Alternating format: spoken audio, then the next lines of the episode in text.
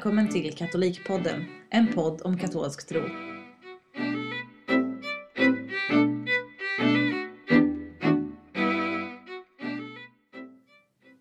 Hej och välkomna till Katolikpodden. En podd om katolsk tro, helt enkelt. Mitt namn är Patrik och idag så ska vi ta och prata om fastan. Så nu kör vi. Ska vi presentera oss först kanske? Ja, jag kan ju börja. Jag heter Patrik Heikkilä, är 32 år gammal. Jobbar som projektsamordnare på en av Stockholms stora sjukhus. Har varit katolik i, ja, vad blir det nu? Ja, åtta år.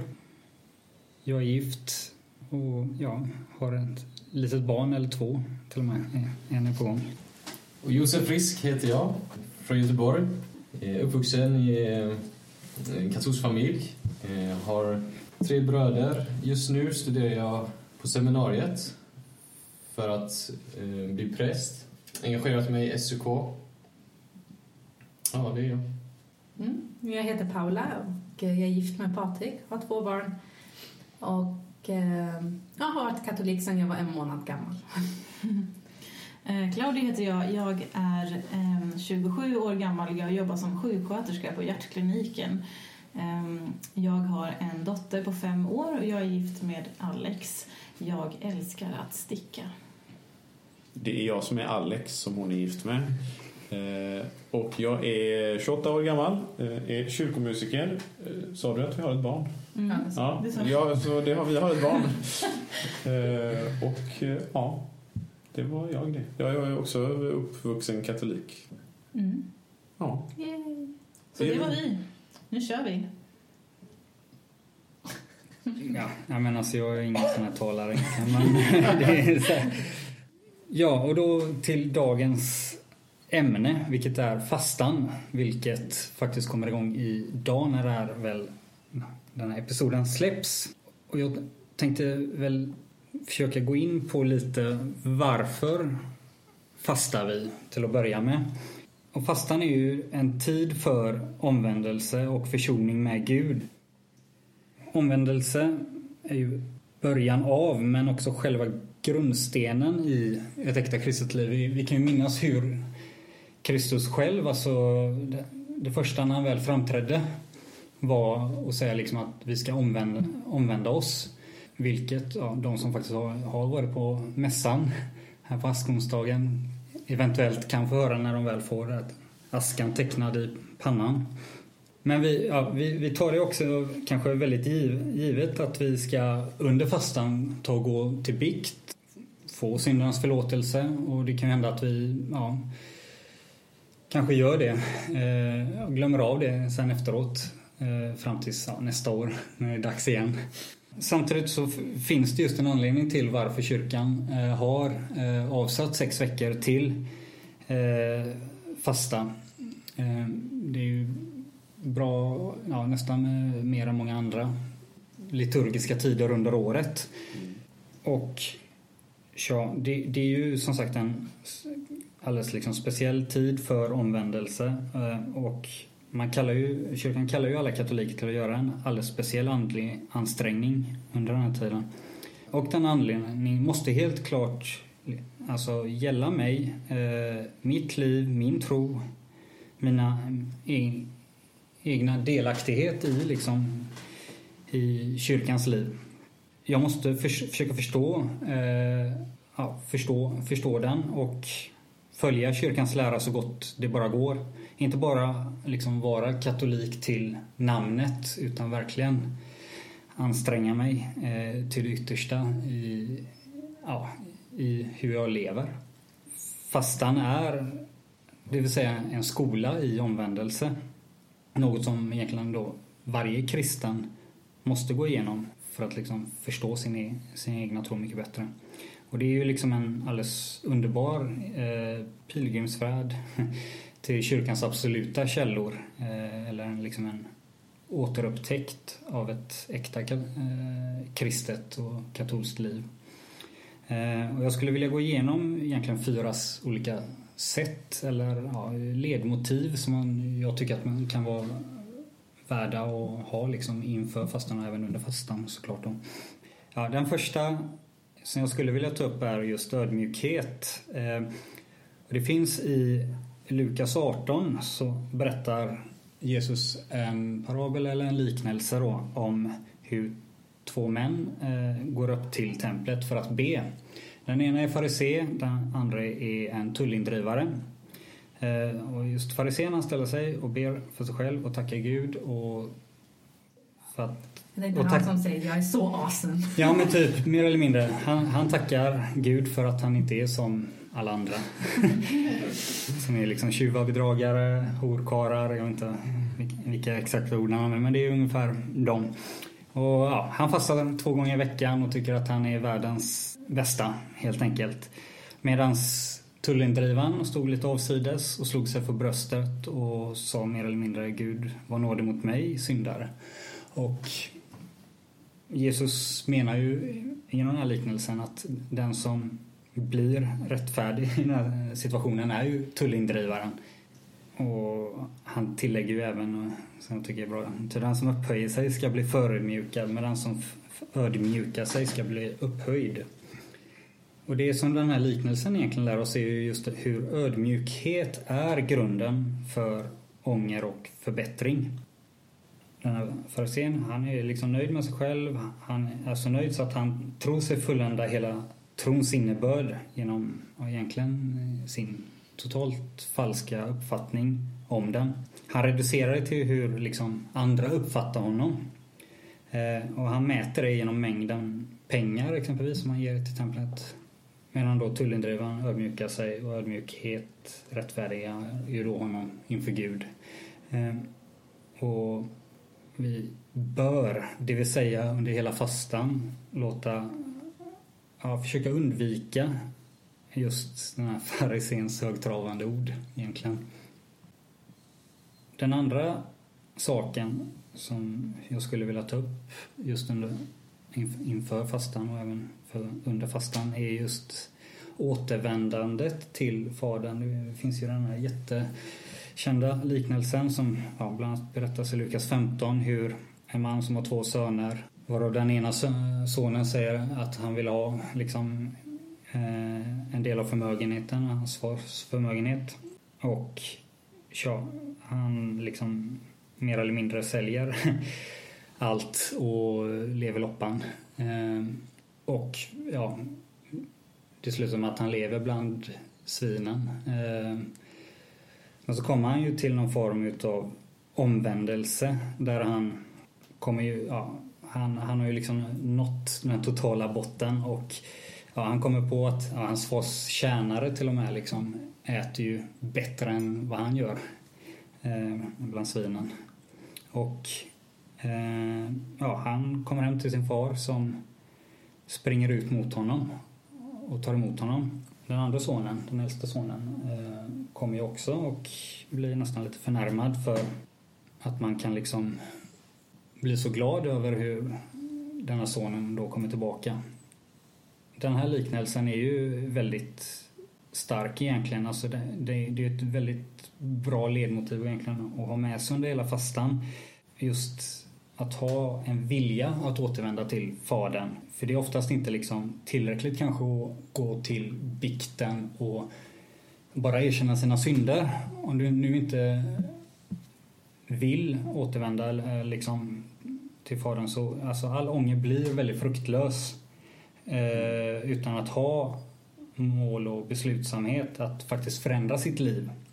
Att gå tillbaka till Gud och påbörja liksom någon form av rening eller ja, jag vet inte vad man ska kalla det men alltså Och Gud kommer en till mötes, eller hur? Han, Ja, han kommer inte säga nej vid dörren. nej precis. Utan precis som den här fadern i den här liknelsen så kommer han verkligen komma springandes mot en. Eh, och vi, vi måste på nå- något sätt ta och liksom förstå att vi har förlorat vår andliga skönhet eller, och liksom vår renhet genom synden. Och vi måste liksom försöka vilja återfå eh, denna eh, skönhet. Och vi, ja, som sagt, vi måste återvända helt och fullt till den, liksom, till den här fadern som egentligen står och liksom gråter tårar utav glädje och, och, och faktiskt har fått den tillbaka. I Psaltaren 137 står det vi, vid Babylons floder satt vi och grät när vi tänkte på Sion. Om jag glömmer dig, Jerusalem, må min högra hand förlamas. Den kristne minns och erkänner eh, att den har, eller ska liksom erkänna att den har förlorat liksom kommunionen med Gud. Eh, och liksom den frid och den glädje som man får liksom utav hans rike eller av honom. Alltså den, den kristna har någon gång blivit döpt i Faderns, Sonen och den helige Andes namn och liksom blivit invigd i Kristi kropp. Och den ja, kristna synder har drivit denna liksom bort från Gud. Eh, omvändelse är därför, alltså denna önskan att återvända till Gud, en vandring alltså av kärlek och av tilltro. Den tredje, ja, den tredje saken som jag skulle vilja ta upp är just den yttersta domen. Bra grejer. Ja, precis. eh, Jesus berättar ju bland annat i Matteus 25, eh, i slutet av Matteus 25, hur eh, han liksom hur då Människosonen ska komma åter i sin härlighet med alla sina änglar och han ska ju sätta sig på eh, en tron och han ska liksom skilja fåren från getterna. Och ja, han kommer ju liksom Ja, han kommer ju då säga Kom ni som har fått min faders välsignelse övertar det riket som har väntat er sedan världens skapelse. Jag var hungrig och ni gav mig att äta. Jag var törstig och ni gav mig att dricka. Jag var hemlös och ni tog hand om mig. Jag var naken och ni gav mig kläder. Jag var sjuk och ni såg till mig. Jag satt i fängelse och ni besökte mig. Tja, så får de när såg vi dig så här och så kommer svarar det ju då Jesus att sannerligen det ni har gjort för någon av dessa minsta som är mina bröder, det har ni gjort för mig. Det här är ju då liksom det tredje liksom ledmotivet som jag då skulle liksom vilja ha, fastän det är ju då som sagt den yttersta domen. Alltså hur alla kristna lever liksom under egentligen Kristi dom.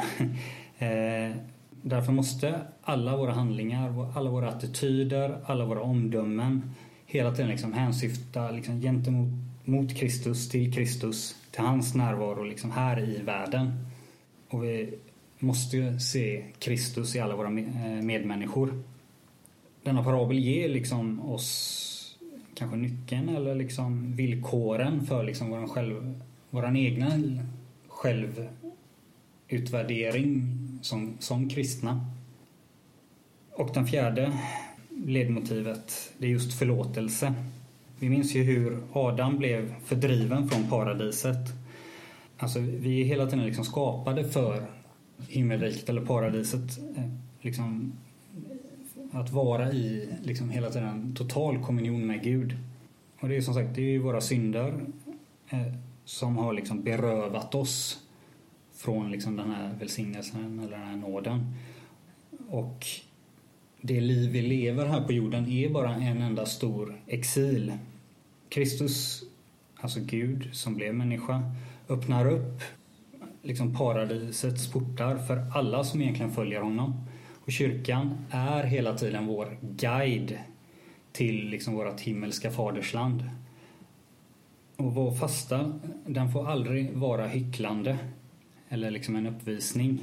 Eh, och vi vi minns i, alltså hur det står i eh, Matteus 16. Eh, och där står det, när ni fastar, se då inte så dystra ut som hycklarna, som vanställer sitt utseende för människorna, skall se att de fastar. Sannerligen, de har redan fått ut sin lön. Nej, när du fastar, smör in ditt hår och tvätta ditt ansikte, så att inte människor, så att inte människorna ser att du fastar, utan bara din fader i det fördolda då ska din fader som ser i det fördolda belöna dig. Eh, villkoren för en sådan riktig fasta är att vi förlåter varandra så som liksom Gud har förlåtit oss. Eh, för det står i Matteus 16 precis innan. Ty om ni förlåter människorna deras överträdelser ska er himmelske fader också förlåta er. Mm. Bra grejer. Mm. En sak som jag tänker på kring det här med ödmjukhet är ju just eh, skillnaden mellan farisén och tullindrivaren handlar väl också om ärlighet inför vem man är. Eh, hur, man, Mm. eh, hur man beter sig och hur man är. Att det kan vara lätt att tycka att man är bra och så men frågan är om man alltid har sett, sett bortom allting så här. Att man får vara lite ärlig med att vi, varenda människa kommer kunna se på sig själv med, med, en med sin sanna ärliga blick och säga att ja, det finns fel som jag har gjort. Och att man får vara ärlig med det. Och det är någonting som jag tycker är fint i den liknelsen. Sen tänker jag också på eh, att det kan vara lite svårt det här med eh, att eh, vad heter det, att inte vanställa sig inför fastan eller sådana här saker, att inte visa det för någon. För att vi lever ju liksom i en till exil som katoliker i Sverige. Att eh, man vill gärna på något sätt ändå vittna. Eh, och fastan är ju en tid som man ofta får mycket frågor så. Varför man inte äter en speciell sak eller varför man avstår från Facebook eller något sånt här. Och, och... Eller om man bara äter när solen har gått ner. Eh, det är en vanlig fråga. Ja, jag det finns många missförstånd kring Ja. det och vad är fasta och varför. Och då vill man ändå få fram det så, eh, tycker jag. Så det är, svårt, det är en svår balans däremellan att, att upphöja sin fasta och att eh, liksom... Det är väl syftet, tänker jag. Vad är syftet med att du berättar? Är det för att visa dem att ja, men kolla på mig, jag fastar, vad duktig jag är? Eller är det för att Ja, ja. de ska få ta del av den katolska kyrkan? Ja, precis hur man gör det. Ja. Det var, det var någon, jag minns inte vem, som sa apropå just det att eh, eh, när det gällde allt sånt också att visa liksom, att man ber rosenkrantz eller sådär. Att, eh, man brukar tänka att eh, när man är bland katoliker då, då är man verkligen, då, då ska man inte vanställa sitt ansikte och Då då man liksom behöver man inte visa någonting. Men just när man är i, i offentligheten, om du sitter och ber rosenkransen på tåget, liksom, då Mm. viftar man i rosenkrans och folk ser liksom att här, här händer det något. Fram med på tunnelbanan. Ja, ja typ. Nej men att, att eh, men det ligger mycket i det du säger att det, det mm, det finns ju också ett sätt att vittna för, för resten av världen. Men fastan är en bra tid för det, tycker Ja. jag. Mm. Och speciellt också eftersom det leder fram till påsken. Om man kan få in samtalet på påsken då, då har man ju liksom mycket möjligheter att berätta saker. Mm. Men jag tycker också det eh, om jag eh, kommer in lite på mitt eh, specialområde här, kyrkomusiken, så tycker jag det är ganska lustigt. I, nej. Eh, Men då tycker jag det är ganska lustigt eh, för under fastan så i, i musiken så är, fastnar man ofta i, i liksom passionen snarare. Liksom sista delen av fastan när vi verkligen går fram till påsk och liksom i, passionen och liksom Kristi lidande och död. Men fastan är ju så mycket mer och fastan är ju allt detta som du berättade om Patrik. Eh, Där man liksom snarare, vi vill liksom, om jag frågar er, vilken är den vanligaste fastasalmen? Se vi går upp till Jerusalem. Ja, Mm. precis. Ja, precis. Och den handlar ju, det är ju en passionssalm egentligen. Se vi går upp till Jerusalem Mm. Eh, för att se Jesus lida liksom. Men fastan är ju så mycket mer än det. Eh, Och det är liksom bara en liten del av fastan. Och det, man fastnar lätt, fastnar lätt vid den delen. Så Mm. det, jag tycker det är, tycker det var väldigt bra saker du sa Patrik. ja, verkligen. Någonting jag tycker också är liksom värt att ta upp i sammanhanget är just synen mellan västkyrkan och östkyrkan just på eh, fastan. För att i västkyrkan så kan jag tycka att fasta reduceras väldigt mycket till ja men det är, är en god gärning som man gör. Det, och, det, och det stannar där liksom. Eh, ganska ofta. Men mer i öst så pratar man mer om liksom de asketiska bitarna bakom. Alltså hur man kan ja, hela tiden liksom, man ska inte bara liksom fasta kroppsligen säger man utan även andligen.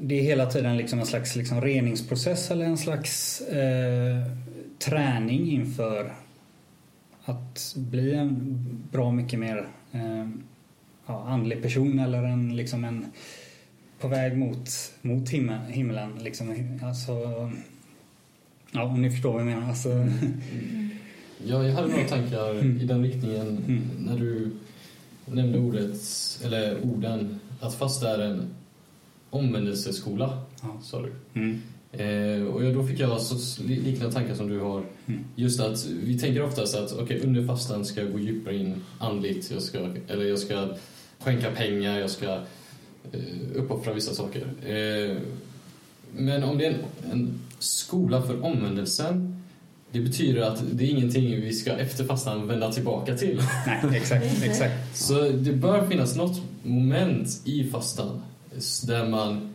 vill bli bättre människa på något vis och sluta med det eller fortsätta med vad det nu är eh, som man eh, lägger till även efter fastan. Eh, så det är ingenting man bara gör under den perioden utan det är någonting som ska göra en till en bättre människa efter. Mm, där hör du Alex, jag blev ju vegetarian under den fasta. För tre år sedan slutade jag äta kött under fastan. Sen tänkte jag, varför ska jag börja med det här igen?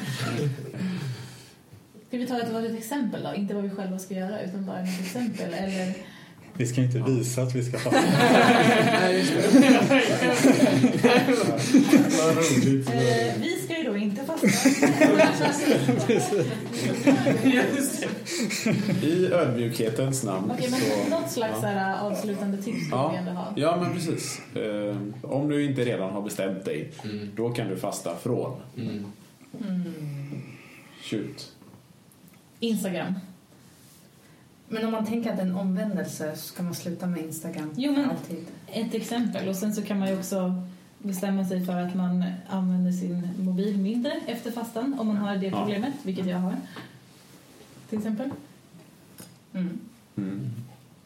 Men det är ju inte heller dåligt att faktiskt bara sluta med saker under fastan för Nej. att ägna mer tid åt. Ja, ja, ja. Även om det förstås är bättre att göra omvändelseskolan och fortsätta med de bra sakerna så behöver det ju inte nödvändigtvis vara dåligt att bara Minska. och liksom, Man kan men ju rensa igenom sina internetflöden från sånt som kanske inte är så inriktat mot Gud.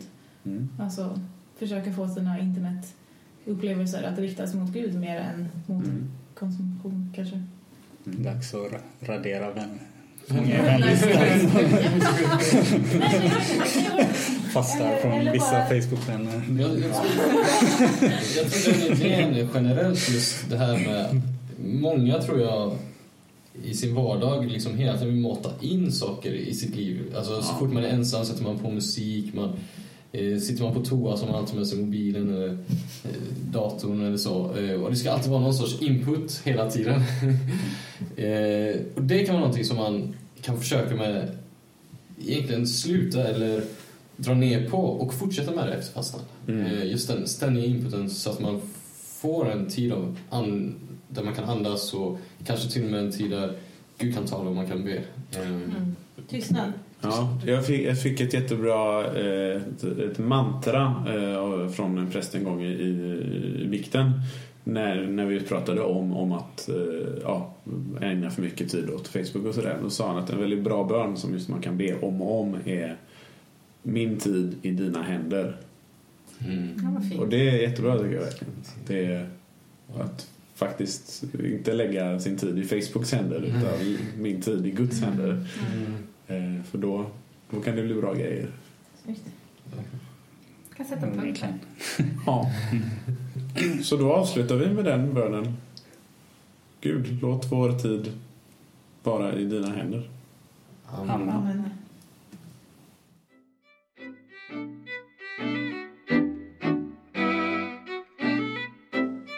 Lyssnat på Katolikpodden. Du kan nå oss på katolikpodden at gmail.com.